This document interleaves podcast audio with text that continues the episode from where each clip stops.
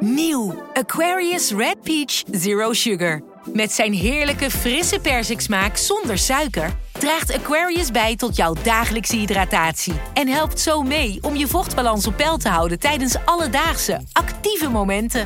Thuis, op het werk of onderweg. Ook verkrijgbaar in smaken lemon en orange. Probeer hem nu.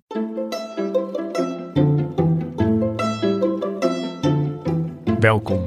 Wij zijn Onbehaarde Apen. Dit is een podcast van NRC over wetenschap.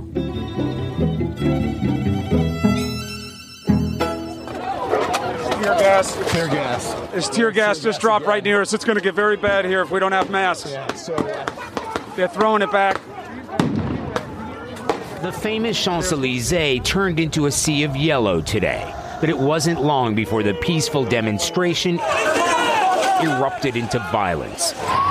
Riot police used water cannon and fired tear gas and stun grenades in clashes with angry protesters. started off peacefully. Police watched as about a thousand protesters moved through the streets of Nairobi. But then this.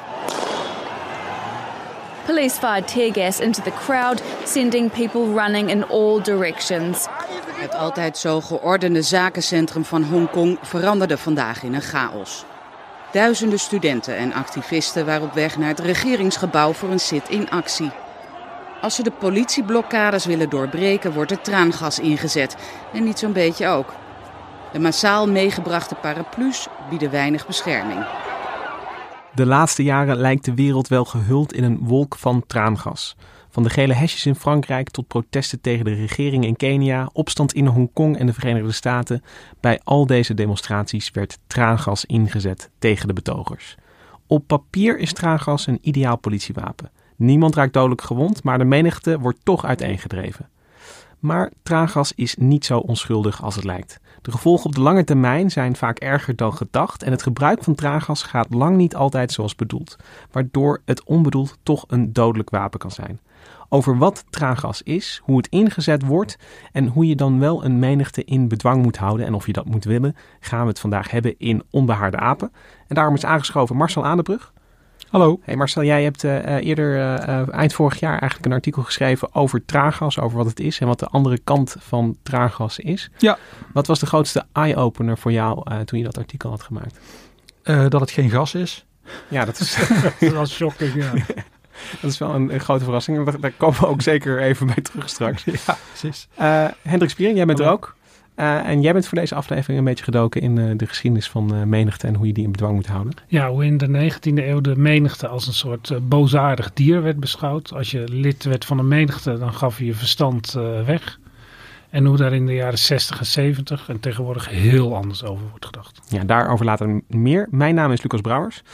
Ehm traangas, Marcel. Jij zegt het al. Het is eh, eigenlijk helemaal geen gas. Nee, het is geen gas, nee. Ongelooflijk.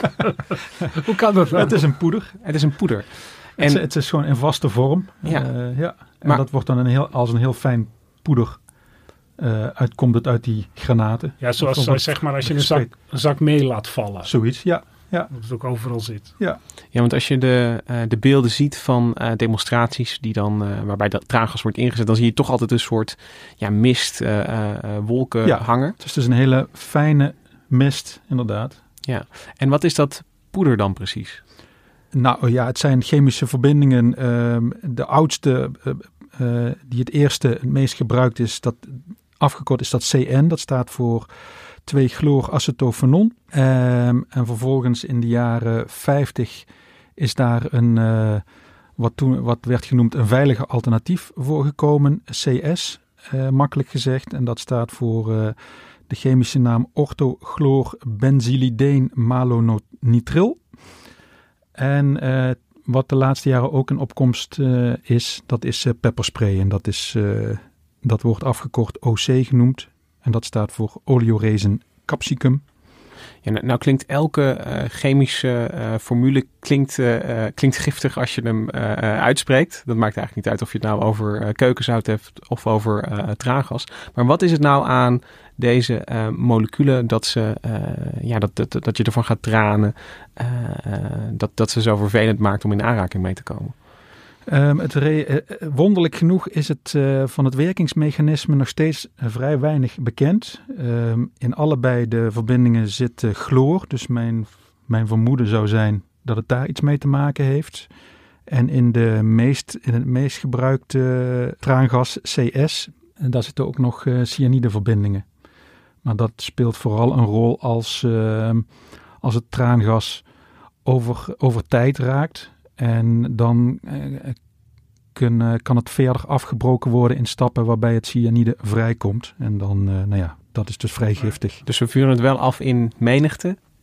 En uh, uh, tegelijkertijd weten we heel weinig gewoon wat het, wat het doet in we een, weten heel weinig wat het in doet. een lichaam. Ja. Maar Marcel, kun je ons toch even meenemen in een, uh, een traangaswolk en, en even beschrijven ja, wat je daarvan zou merken en, en wat het doet met je, met, met je ogen en, met, en in je neus? Ja, wat je, je krijgt irritatie aan de ogen, op de huid, ehm, ademhalingsproblemen, ehm, ernstig tranen, daarom heten het traangassen. Um, maar ja, en dat kan uh, verder gaan tot uh, ernstige uh, oogaandoeningen, longontsteking, glaucoom, blindheid. Ehm. Dat, dat, zijn mogelijke gevolgen zijn, voor op lange termijn. Dat, ja, dan, ja, dan ben je ja. zeg maar. De... In eerste instantie is het dus gewoon de, de heftige prikkeling die je voelt op de huid of in de ogen of dat je een benauwd gevoel krijgt in de keel. En die, die prikkeling die is zo uh, irritant, die wil je dus meteen zien te vermijden. En dan ga je, uh, is het idee, ga je rennen, ga je wegrennen. Ja. En, zo, en, zo verspreid je de, de menigte. Ja, dus, dus er komt een, een, gewoon een diepe drang uh, in personen die aan worden blootgesteld op om gewoon weg van de, van de bron te gaan. Ja, om, om uit. Dat is het idee, ja. En um, het is dus een poeder en het zit in die granaat. En, en hoe krijg je dat dan, ja, hoe, hoe verspreidt zich dat? Moet er toch nog iets in, in die granaat ontploffen om dat uh, ja, naar, dus naar dat is te een uh, explosieve reactie meestal die daar, uh, ja, een soort vuurwerk, dat wordt ook vaak gezegd, vuurwerktechniek om, om het poeder eruit te, te spuiten. Dat is trouwens ook nog één punt. Ik bedoel, de andere chemicaliën die daarin zitten, daarvan wordt ook wel gesuggereerd dat die ook iets kunnen doen met de gezondheid. Ja, het zijn dus niet alleen... Ook slecht onderzocht. Ja, het is dus niet alleen het poeder dat erin zit, maar je hebt een heel uh, chemisch mengsel erin zitten, waardoor ook dat poeder naar buiten komt. En ja. dat zijn misschien ook geen prettige ja. stoffen. Um, wanneer is traangas ontwikkeld? Want het voelt als iets, ik, ik zei al in het begin, het voelt iets van de laatste jaren dat het ineens overal is. Maar mensen die al lang op deze aarde rondlopen, die weten dat er al, al, uh, al tientallen jaren uh, demonstraties de kop in worden gedrukt met traangas. Um, waar komt het vandaan? Uh, nou, het gaat terug tot de Eerste Wereldoorlog. Daar, um, er wordt gezegd dat het voor het eerst in Yper uh, door de Duitsers is ingezet. Maar er zijn ook bronnen die zeggen dat, het al eerder, dat de Fransen het al, al eerder uh, hebben gebruikt. Maar Yper wordt over het algemeen gezien als de eerste grote toepassing. En vervolgens... Dat was in 1915, hè? de eerste 1915. slag bij Ja. Ja, je hebt een uh, boek van uh, Anne Feigenbaum uh, gelezen Ja. over traangas. Teargas heet het. Teargas. Heel mooi boek. Ja. Kan ik aanraden. En uh, zij kan ook goed vertellen over die voorgeschiedenis van traangas op het slagveld eigenlijk. We know that the first time that it was kind of used at any kind of larger scale and manufactured at any larger scale was by at first the French and then the Germans during uh, the First World War. And it was used to clear trenches. Yes, so trench warfare had caused a kind of stalemate, and people were staying inside the trenches, and this meant that you couldn't advance by firing on each other. And so they needed a way to get people out of the trenches and disorient them in order to be able to fire uh, more severe forms of either gas or artillery at the opposing sides. Nou, het vertelt het nogal simpel, zeg maar. Ja. Staat er gezellig in die trenches. Nee, natuurlijk was Ja, het heel, heel, eh, maar ja, het is Zo heel, ging het heel wel, instrumenteel. Ja. Van die zitten dan maar. Ja, maar uh, we moeten ze eruit zien te krijgen. Ja, en dan, en dan uh, wordt, een, ja, ik, ik kan me ook wel voorstellen, traagels in een loopgraaf, uh, die, die, diezelfde drang om weg te komen. Ja. Uh, dat zie je dan ook. Um, werkte dat goed um, al meteen? Is, is dat al, al meteen effectief? Mm, um, nou, de, de, de resultaten waren heel gemengd. Want het, had, bedoel, het hangt natuurlijk heel erg af van de windrichting. Nou, die, die is moeilijk te voorspellen. Dus soms kwam het gas ook waaide over je eigen troepen of het, of het kwam weer terug. Of, en al heel snel kwam ook de ontwikkeling van het gasmasker. Ik bedoel, in eerste instantie waren die nog heel primitief en deden die weinig. Maar ik bedoel, die wapenwedloop in de Eerste Wereldoorlog, die ging zo hard. Dus er waren ook al snel gewoon gasmaskers. Ehm, ja, en, en gewoon een gasmasker is al effectief tegen, tegen dat poeder eigenlijk. Dat werkt al. Ja, dus in de Eerste Wereldoorlog maakt de wereld eigenlijk voor het eerst kennis met traangas als een manier om mensen uit elkaar te drijven. Wat gebeurt er dan na de Eerste Wereldoorlog? Hoe gaat die ontwikkeling verder? Nou, er is in uh, Amerika een generaal, uh, Amos Freeze, en die uh, krijgt het bewind over de Chemical Warfare Service. want je had dus in de Eerste Wereldoorlog zijn hele grote afdelingen opgezet om die chemische wapens verder te ontwikkelen. Dat was bijvoorbeeld in Duitsland ook met, onder, onder Frits Haber, die het kunstmestprocedé ook heeft uitgevonden. Um, die had uh, 2000 mensen onder zich werken um, en heel veel chemici.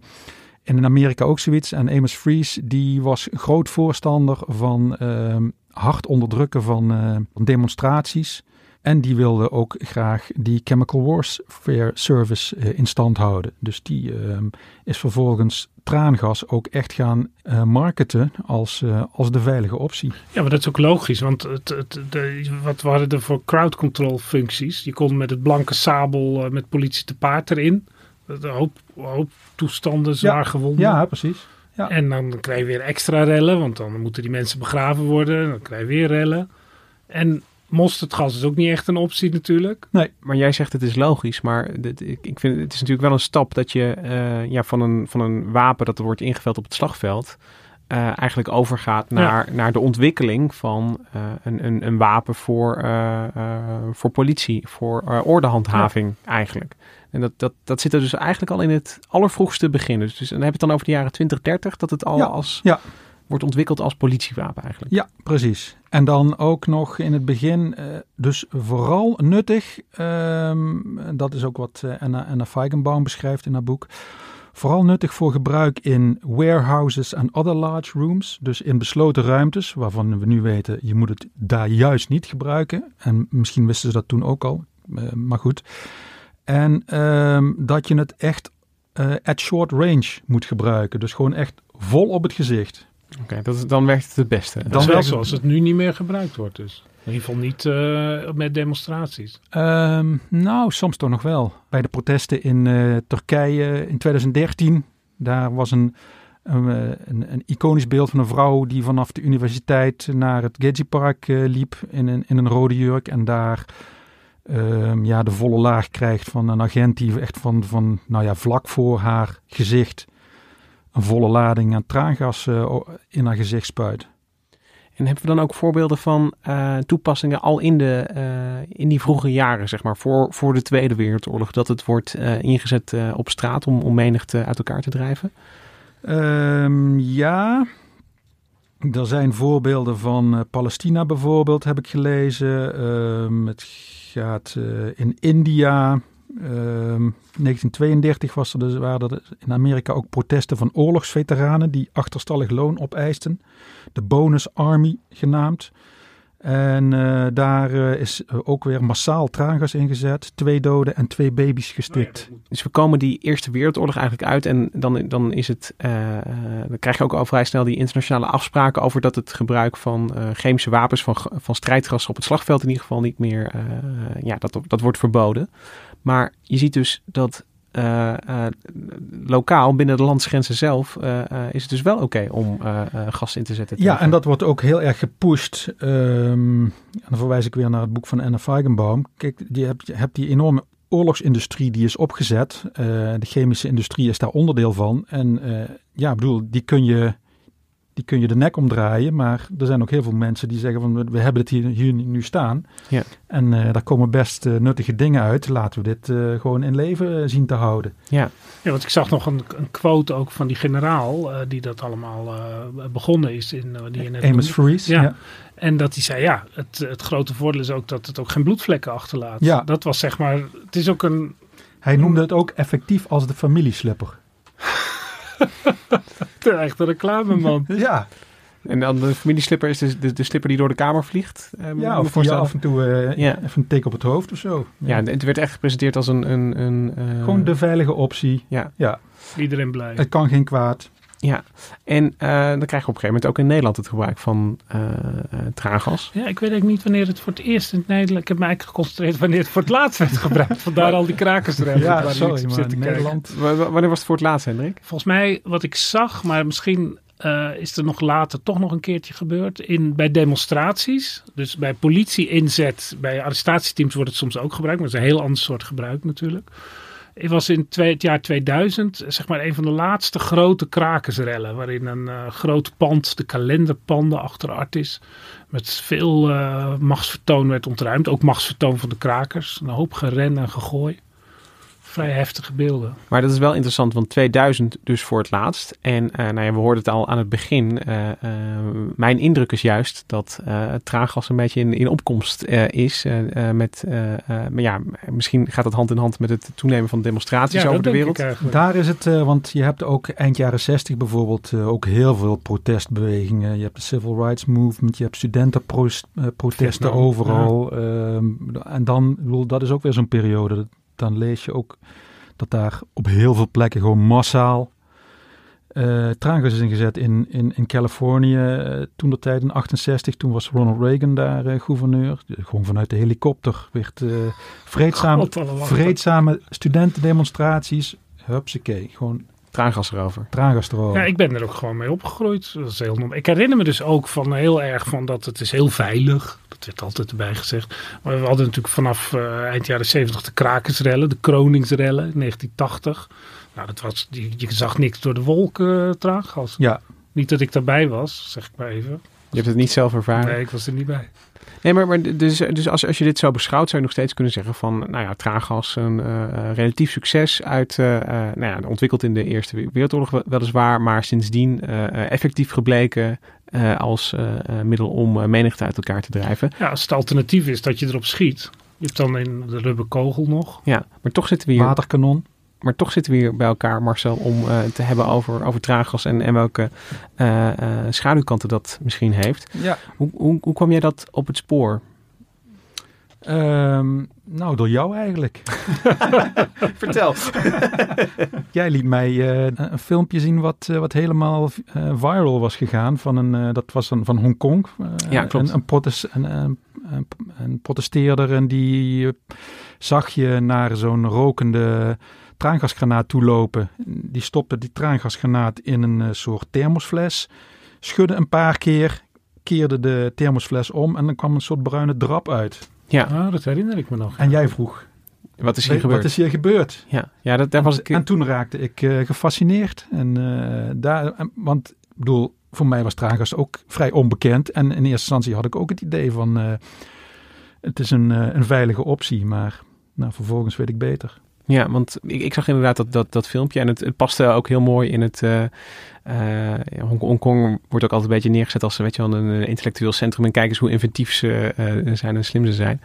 Um, mijn, mijn, eerste vraag was heel simpel: van, van oké, wat hebben ze hier bedacht tegen dat tra traaggas? Maar jij kwam eigenlijk met een heel ander verhaal terug. En daar was één persoon wel belangrijk voor. En dat was, en ik hoop dat ik haar naam goed uitspreek, Monica Kreuter Romano.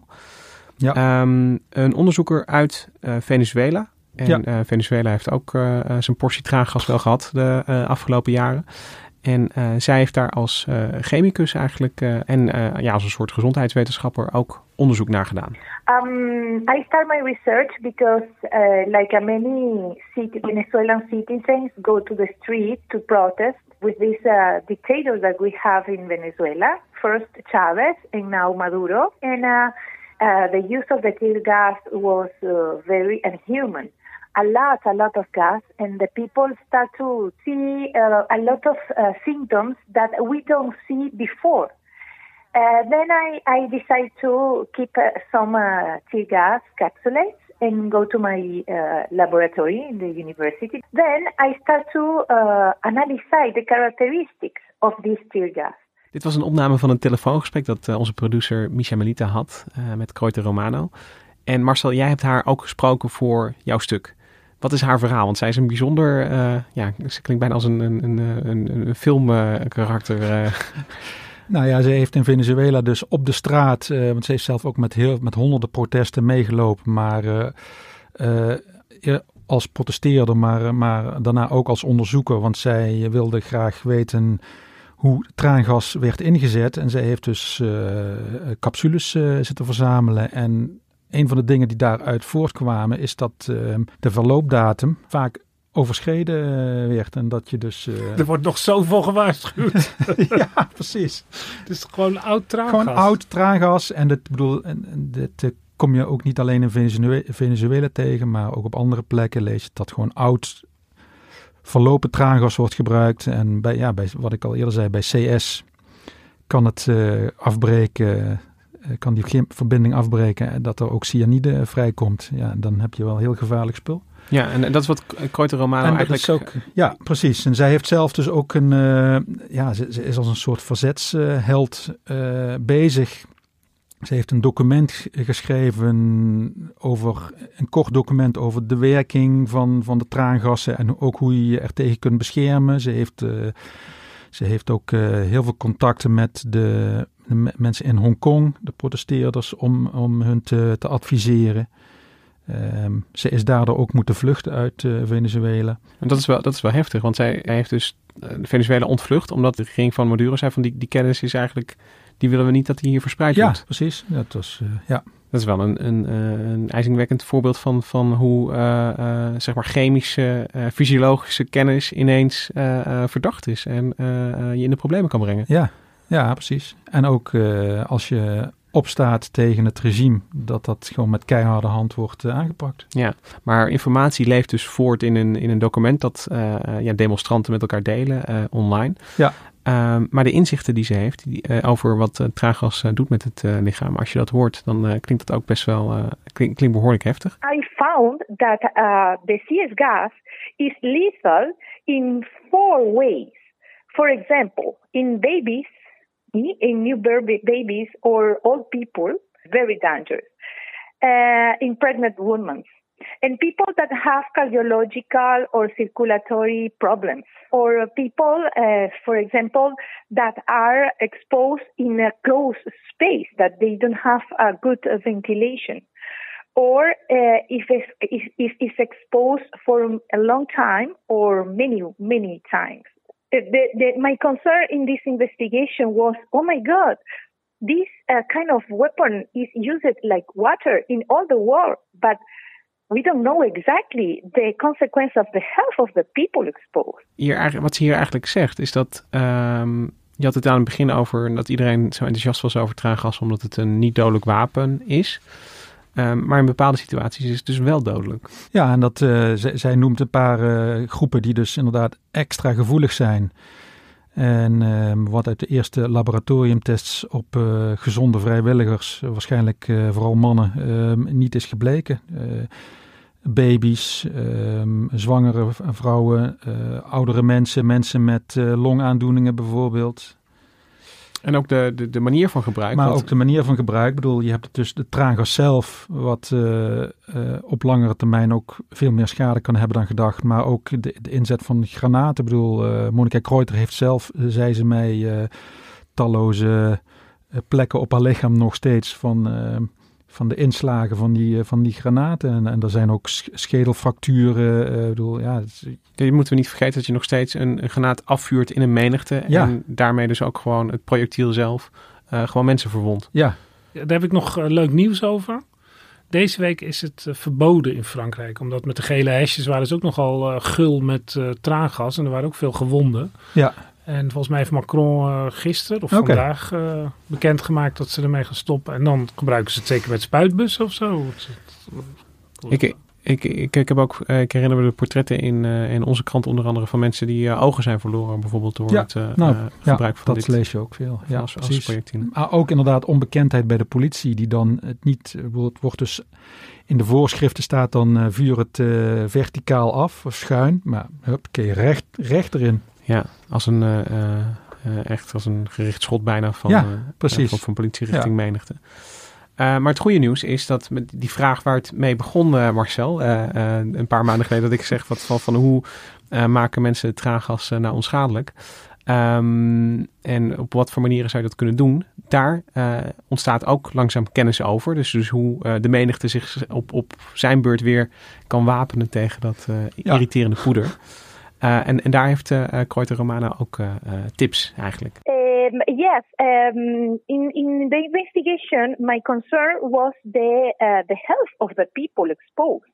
And uh, we found that the um, the sodium bicarbonate uh, solution is very very uh, effective because all the CS gas is is an acid uh, gas, and uh, then if we use a basic solution, we can do something uh, chem- chemical, no. And this this was very effective in my country. The people, if you see the the the publications or the photographies.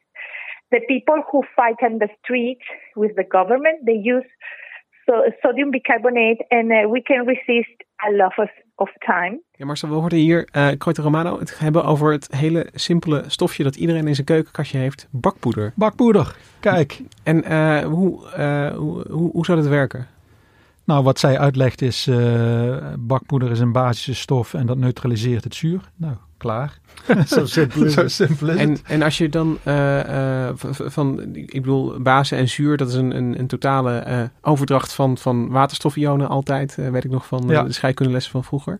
Um, de, het, het, zure karakter van, van traangas is dus ook wat het irriterend voor ogen en dat soort dingen Dat zou het zijn. Dat... Ja. En die doek die hou je dan voor je mond en je neus. Die doek hou je voor, voor mond en neus. Ja, zeker. Ja. En misschien voor je ogen ook. Maar ook dat is. Uh, je moet het natuurlijk wel heel goed aansluiten. Want het poeder is zo fijn dat het heel makkelijk achter een doek uh, kruipt. En je ogen zijn natuurlijk nog steeds niet en de beschermd. Ogen zijn je... nog, nee. Nee, dus het, het, het zijn uh, creatieve, maar ergens ook wel primitieve uh, oplossingen tegen, uh, tegen dat gas. Ja. En is dat uiteindelijk, was dat ook het antwoord wat er is gebeurd in Hongkong? Met dat filmpje waar ik mee naar jou toe kwam en ja, vroeg, dat, dat was dan weer niet duidelijk. Tenminste, ik heb destijds nog wat mensen gevraagd inderdaad. En er was een milieutoxicoloog die zei, die, die, die had het over vloeibare stikstof misschien is dat geweest. Wat ja, in met die thermosfles. Ja. Want wat er ook vaak wordt gezegd is, als je die, kijk dat dat traangas wordt naar buiten geduwd met een soort thermische reactie. Nou, als je die thermische reactie die, die explosief is of die heel veel warmte produceert, als je, als je die warmte kunt uh, neutraliseren, dan komt het traangas ook niet meer naar buiten. Dus die, hij zei, misschien is het vloeibare stikstof geweest. En er was ook nog een optie van azijn, ging ook over Twitter, maar dat is dus een zuur. Uh, Kreuter Romano zei, dat is, dat azijn zal het, zal het niet geweest zijn. Dat is onwaarschijnlijk. Dat is onwaarschijnlijk. Ja. Voor, voor Kreuter Romano is dus de consequentie geweest dat zij haar uh, moederland heeft moeten verlaten. Waar, waar zit ze nu en gaat ze verder met traangas? Uh, Spanje. En daar was ze de laatste keer dat ik haar heb gesproken op zoek naar een baan. Ja. En nog steeds adviseert ze mensen in Hongkong, maar wereldwijd volgens mij, die met traangas te maken krijgen. Ja. Nou ja, dat, dat lijkt me een goed moment om het te hebben over uh, inderdaad de plek van traangas ja, in het politiearsenaal. Want traangas heeft dus een voorgeschiedenis van, van ruim een eeuw. Um, uh, je zou denken van de, de, de rol van traangas in uh, ja, hoe je menigte moet beheersen, is daarmee ook wel een beetje uitontwikkeld. Maar als ik een, een beetje naar jou luister, Marcel, en, en ook wat jij al een, een beetje aanstipte, Hendrik, dan uh, is, dat nog, is daar nog heel veel discussie over. Nou, discussie, wat sowieso het geval is, dat hoor je ook in de voorbeelden die we noemden. Het is nu, wordt nu ook in Irak bijvoorbeeld heel erg ingezet tegen die demonstranten. Daar wordt ook met scherp geschoten. Er wordt gewoon met één keer wordt alles erop gegooid om die mensen maar weg te krijgen. Het is bijna ja, alsof het oorlog is, zeg maar. Dus je moet wel als overheid uh, grote dwang willen inzetten. En dat gebeurt bij dictaturen meestal uh, eerder dan in een democratie natuurlijk. En ja, want, dat, dat, want het verbazingwekkende vond ik eigenlijk dat het dus sinds 2000 niet meer in Nederland is, is gebruikt. Terwijl in mijn, in mijn belevenis is het zo'n, ja, naast de, de gummi-wapenstok zeg maar, is het een, een, een standaard wapen. Ja, en er, komt ook dat er dus ook een heel ander soort denken is ontstaan over uh, hoe je met menigtes omgaat. Uh, en tegenwoordig ik, ik, denk dat we even terug moeten naar uh, de 19e eeuw, even heel kort. Toen ontstond er eigenlijk de massapsychologie, een boek uit uh, 1895 in het Frans, uh, de psychologie van de massa en ook de delinquentie van de massa. Dat was dan weer een, een boek uit Italië. En dat was totaal de opvatting dat als een mens in een menigte gaat, dan verliest hij zijn verstand. En dan komt er een soort groepsdenken. Wat eigenlijk een, een menigte is uh, een mens zonder zijn ratio. Dat is eigenlijk een wild verscheurend beest. En uh, dus daar moet keihard tegen worden opgetreden. Dat loopt eigenlijk parallel met uh, dat inzet van het traangas ook. Maar dat is totaal verlaten in, in het moderne denken over hoe een massa in elkaar zit. En in Nederland is daar Otto Adang, een, een, een leerling van Jan van Hoof primatoloog eigenlijk, maar is helemaal de politiewerk ingegaan met de observatie van wat gebeurt er nou eigenlijk met voetbalrellen. Dat waren eigenlijk de belangrijkste dingen in Nederland natuurlijk, behalve de krakersrellen. Wat gebeurt er? Hoe? En dan blijkt ook, dat is zijn onderzoek, onderzoek van anderen, dat er altijd maar heel weinig mensen geweld gebruiken. En dat zo'n menigte bestaat uit losse individuen die allemaal hun eigen doel hebben. Het is helemaal niet een anonieme massa. Dus daar moet je allemaal op letten. Dan krijg je een heel ander beeld van uh, menigte. Dan kun je er zeg maar subtiel en slim kan je daarop ingrijpen dat het helemaal niet uit de hand loopt. Ja, we kunnen even luisteren naar een stukje uit de inaugurele reden van Otto Adang uit 2017, waarin hij eigenlijk dit bepleit. Hoe je uh, uh, ja, goed uh, de demonstrerende groepen goed moet kennen en ernaar luisteren om ja, ze te kunnen managen. Wat beweegt ze? Wat, wat motiveert ze? Hoe, waar identificeren ze zich mee? Ze komen daar met een doel. Ze hebben intenties. Legitieme intenties kun je faciliteren, kun je ondersteunen. Dat is een heel belangrijk principe. Het is belangrijk om te communiceren. Dat gaat twee kanten op. Dat is dialoog. Dus niet alleen informatie verstrekken, maar dat is ook luisteren. Dat is ook signalen oppakken. En het is heel belangrijk om te differentiëren, onderscheid te maken. Niet op basis van tot welke groep je hoort, maar op basis van wat voor gedrag je vertoont. Ja, Hendrik, dat klinkt heel erg mooi. Luisteren naar een, naar een groep en, en ze proberen te begrijpen en communiceren. Maar uh, om ja, toch even dat 19e eeuwse beeld weer een beetje uh, uh, hier naar voren te brengen, is van als er een, een stel je hebt een menigte uh, voetbalsupporters. Die, uh, nou ja, je weet misschien wat ze willen. Je, je, je, denkt, die, die willen erin gaan trappen in de stad. Ja, dan moet je dat dus voorkomen. En dan zie je dus dat, dat ik, toen ik me hierin verdiepte, kreeg ik ineens ook, want ik, ik zag dat wel eens uh, soms als ik er langskwam of op televisie. Dat eindeloze gesjouw met die voetbalsupporters, dat eerst die supportersgroep en die moeten dan aan die kant van het stadion en er wordt allemaal begeleid. Maar zolang ze elkaar niet zien en niet met elkaar in contact komen, kunnen ze ook niet vechten. En hij geeft bijvoorbeeld ook het voorbeeld van uh, bij ons in de krant, naar aanleiding van de boeren, boerenrellen. Dat waren eigenlijk geen rellen, want het is eigenlijk heel goed gemanaged, om dat woord maar te gebruiken. Uh, geeft hij, legt hij uit van ja, weet je, er, zijn, er is een legitiem doel, demonstratie van die boeren. En die willen dan een, een rijksweg afsluiten. Dan kan je zeggen, is onacceptabel. Dan gaan we met groot materieel in. Hij zegt, ja, dan, dan weet je zeker dat die weg uh, de hele dag afgesloten is. Want dat, dat wordt zo'n knokpartij en gedoe. En die trekkers, die krijg je ook niet zomaar weg. Je praat met die mensen. Je toont begrip. Je zegt, nou, ga dan een half uur hier staan. En dan gaat bijvoorbeeld dan gaat 90% weg, blijven er twee achter. Die arresteer je dan natuurlijk. Ja, er is dus een wereld denkbaar waarin de politie traangas had ingezet tegen, uh, ja. tegen deze boerenblokkades eigenlijk. Maar de Nederlandse is, school is er dus eentje van uh, begrip van de-escalatie. Ja, en ook optreden. En dat wordt vaak vergeten erbij te zeggen, want dat klinkt dan als slap. Maar wel optreden tegen mensen die te ver gaan. Maar dan, dat zei hij ook, niet als lid van de groep, maar als mensen die uh, het verkeerde gedrag vertonen. En als je dus zeg maar een, een vreedzame sfeer weet te behandhaven, dan, dan worden dat, zijn dat eigenlijk geïsoleerde figuren. En die moet je dus heel snel er ook uitvissen. Dus het is moeilijker, het kost heel veel informatie. Hij houdt ook altijd een enorm pleidooi voor wijkagenten. Dat als er dan een rel is, dan weet die wijkagent, die kent die mensen. Die weet precies van die, laat die, daar moet je op letten. Dat, wordt, dat is het gevaarlijke mannetje, die wil zich bewijzen. Maar die andere mensen die hebben gewoon een, een legitiem demonstratiedoel. Hij vertelt dan ook over de rellen in Geldermalsen. Naar aanleiding van een uh, nieuw asielzoekerscentrum wat daar uh, was. En mensen waren daar tegen. Ja, kan je mening over hebben. Dat is een legitiem doel om daar tegen te protesteren. Mensen waren boos op de gemeente.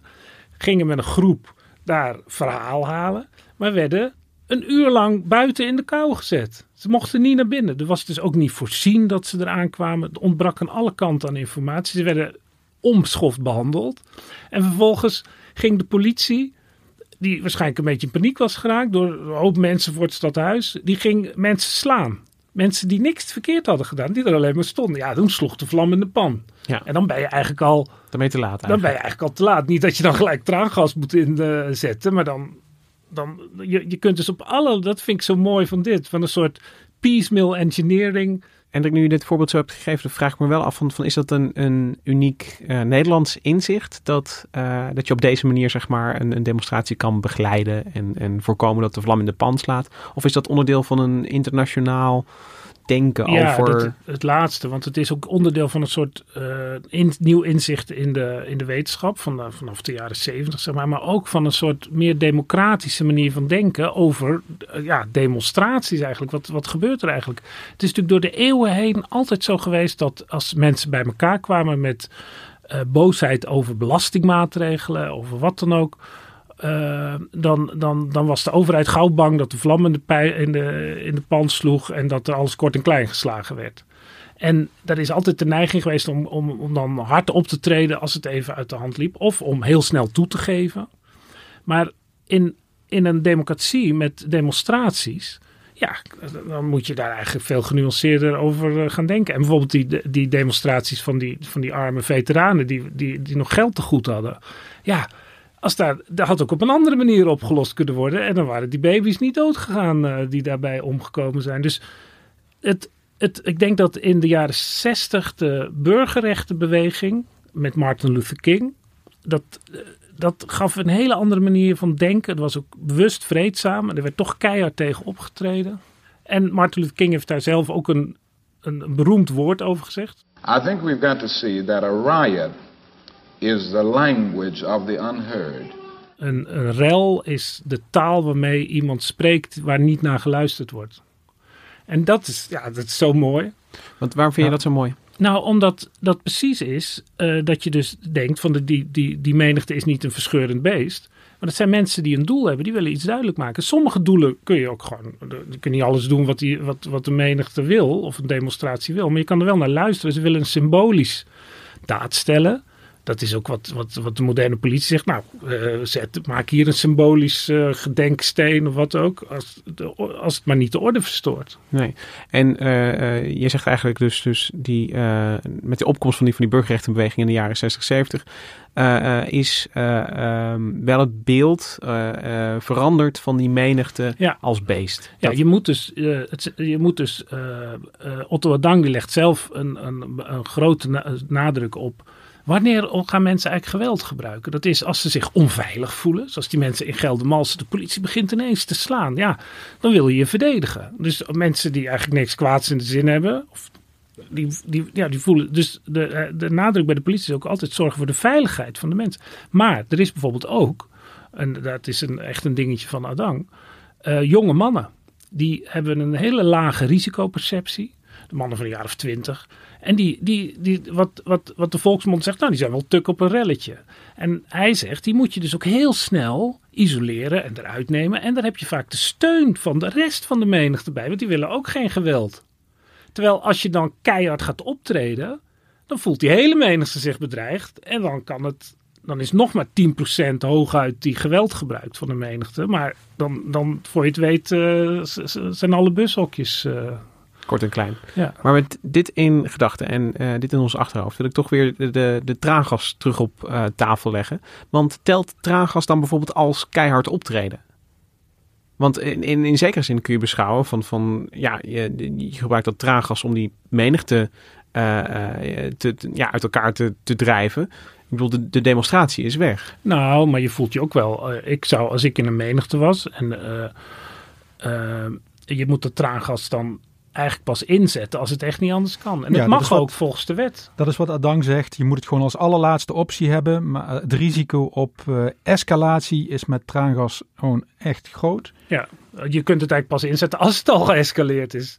Ja. Als het toch al niet anders kan. Maar dat is natuurlijk ook heel moeilijk inschatten voor een politiecommandant om dat te doen. Maar ja, dat is zijn vak natuurlijk. Ja, en Marcel, met wat jij te weten bent gekomen over uh, de lange termijn gevolgen voor de gezondheid moeten we dat nog meenemen in, in deze weging van, van traaggas? Dat je zegt, oké, weet je wel, van, van, we hebben altijd nog dat traaggas om op terug te grijpen. Maar moet je zelfs dan niet zeggen van, is dat, dat de toepassing dan ook al zoveel risico's heeft? Ja, er zijn dus ook stemmen die inderdaad die opgaan om ook traaggas in uh, gewoon in het algemeen, dus naast het verbod op uh, gebruik in oorlog, dat je het gewoon uh, totaal verbiedt. Nou, daar is bijvoorbeeld ook Adang op tegen. Want het, is, het kan toch zijn nut hebben, maar dan inderdaad in het aller, allerlaatste geval. Maar wat ik me nog wel afvroeg, Hendrik, en, en want, want Nederland is in die zin eigenlijk een, een ideale situatie. Ehm, moeten we dan gewoon tientallen jaren wachten omdat uh, dat die, die, kennis die wij in Nederland hebben en ook toepassen, dat die zich verspreidt? Want als, ik, als ik het boek van Anna Feigenbaum lees, als je leest hoe rukzichtloos op ook vreedzame demonstraties traangas massaal wordt ingezet. Het liefst uh, gewoon recht gericht op, uh, op de demonstranten. Ja. Um, om, om maar te laten zien dat je, ja, zeker bij dictatoriale regimes, maar, maar ook in meer democratische regimes, in Amerika en weet je, doel, dan denk ik, dan zijn, daar zijn we nog zo ver vanaf. Ja, maar goed, dat is nou een kwestie van uh, uh, dat oude idee van die menigte, ja. van de mob mind. Het is ook wat Amos Fries, die, dus die oude generaal, ook zei, make the mob look silly. Ja. Ja, dus een soort leedvermaak om, om die gekke menigte ja, ja, dus, ja dus, wat, dus, wat mij verbaast als ik het boek van Anna Feigenbaum lees, is dat toch dat idee van uh, traangas is de veilige optie, wat ooit door een paar slimme bedrijven met, met hulp van een uh, overheidsdienst in de markt is gezet, hoe dat is uh, tot op de dag van vandaag nog steeds leeft. Als een soort doekje voor het bloeden van, oh het is zo veilig, het is zo veilig, terwijl het eigenlijk helemaal niet veilig is. Ja, dus ik bedoel, er was in, in de jaren 60 is er in, in Engeland nog een groot uh, onderzoek gedaan door een, uh, door een, uh, een arts. Maar en die heeft heel veel. Nou, die wilde geen casuïstiek bijvoorbeeld bekijken. Die wilde alleen maar puur wetenschappelijk onderzoek, zei hij.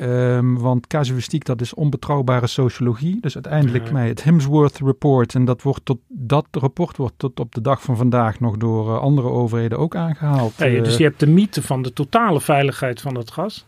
Wat, wat stond er dan in dat, in dat rapport? Waar, waar, waarom circuleert dat nog steeds in, in het uh, denken over traangas? Dat, dat uh, traangas een veilige optie is. Dus dat hij, bedoel, hij, uh, er, er waren genoeg. Uh, er was een, een, een Franse hoogleraar die had allerlei casuïstiek in Vietnam verzameld. Maar dat werd terzijde geschoven, want, terzijde geschoven door Hemsworth. En in dat rapport is gezegd dat dat uh, die traangassen dat dat een uh, veilige optie was. Ja, en dus dat is dus overgenomen door, uh, ook door de overheid in essentie een tijdelijke buitengevechtsstelling, laat ik het zo maar zeggen, maar zonder, uh, zonder gevolg op de ja, lange dus termijn. dat idee van uh, je hebt er even last van, maar dat gaat binnen een half uur ja, en dan weg. ben je weer fris als een hoentje, ja. zeg maar. Ja. ja, dus er moeten eigenlijk, uh, hebben we hier nu in dit uur aan, hier aan tafel geconcludeerd, twee dingen gebeuren. de eerste is dat de wereld inziet dat traaggas niet zo onschadelijk is als het wordt verkocht al, al een eeuw lang. Ja, en dan moet het zeker voor de uiterste gebruikdatum. Ja, dat is... kan niet vaak genoeg benadrukken. Ik let op die datum. Dat is, dat is een subdoel. En het uh, tweede doel is dat uh, uh, eigenlijk overheden niet zo bang moeten zijn voor de menigte. En, en dat ze moeten inzien dat er slimmere manieren zijn om de, de, de menigte ja. te, te, te horen.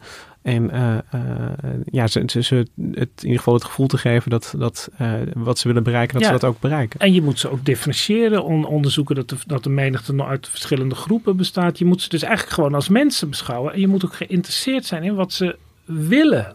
Ja. En daar moet je dan, dan kan je soms een, een grens aan stellen. Maar je ziet dus dat dat kost investering in wijkagenten. Dat kost allemaal. En dat, ja, dat levert eigenlijk niks op. Want er zijn ook geen rellen natuurlijk. Dus ja, maar als we die twee dingen dus bereiken, dan kan het traaggas op Ja. de plank uh, Ja. blijven liggen. En dan kan het rustig over de datum raken. En dan hebben we het gewoon veel minder uh, nodig. En dan, uh, dan kunnen we hopen dat er in de jaren 20 minder traaggas over de wereld afgeschoten wordt dan in de jaren 10. Meer praten, minder traaggas, dat is waar we op hopen. Um, hiermee zijn we aan het einde gekomen van deze aflevering van Onbehaarde Apen. Um, mocht je nou hier naar luisteren en denken, uh, nou, leuke, leuke podcast, laat dan eens een recensie achter. Dat vinden we heel erg leuk om te horen. En ook als je een idee hebt over een onderwerp of een aflevering waar we echt eens aandacht aan zouden moeten besteden, dan kun je een mailtje sturen naar podcast.nrc.nl. Um, rest mij niets anders dan Micha Melita heel erg te bedanken voor de uh, productie van deze aflevering en voor het uh, spreken met uh, Kreuter Romano. Marcel en Hendrik, heel erg bedankt dat jullie hier wilden aanschuiven om te praten over traaggas en crowd control. De tune die je hoort, en dan zegt Hendrik altijd: nee, het is geen tune, het is een stuk. Strijkkwartet van Ravel. Strijkkwartet van Tweede Ravel. deel. Ik, ik, voor mij is het toch een tune. Hele leuke tune. Nou, die is ingespeeld door het Dudok Quartet en daar zijn we heel erg blij mee. Wij zijn er volgende week weer. Tot dan.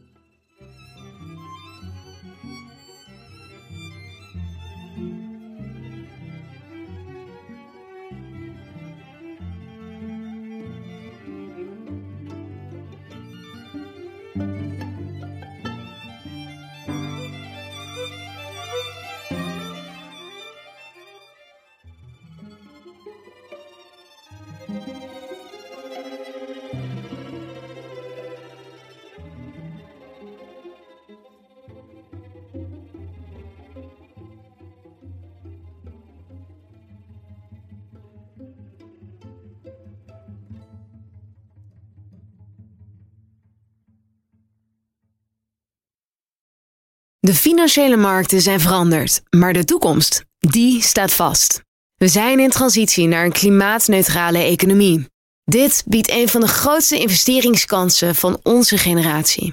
Een kans voor u om mee te groeien met de pioniers van morgen. Meer weten? Ga naar carbonequity.com. Carbon Equity. Do good by investing better.